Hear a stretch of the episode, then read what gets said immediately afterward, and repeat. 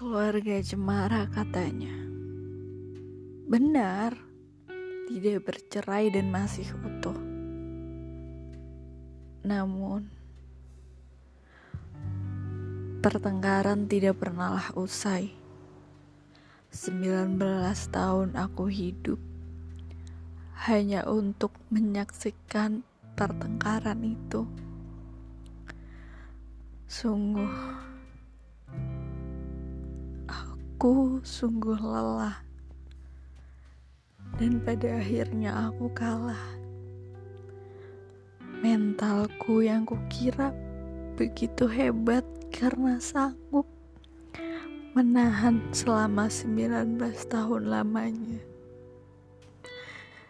Namun pada hari ini, hari ini aku kalah pikiranku yang kosong, dunia yang terus berjalan, sedangkan aku masih berdiri di tempat.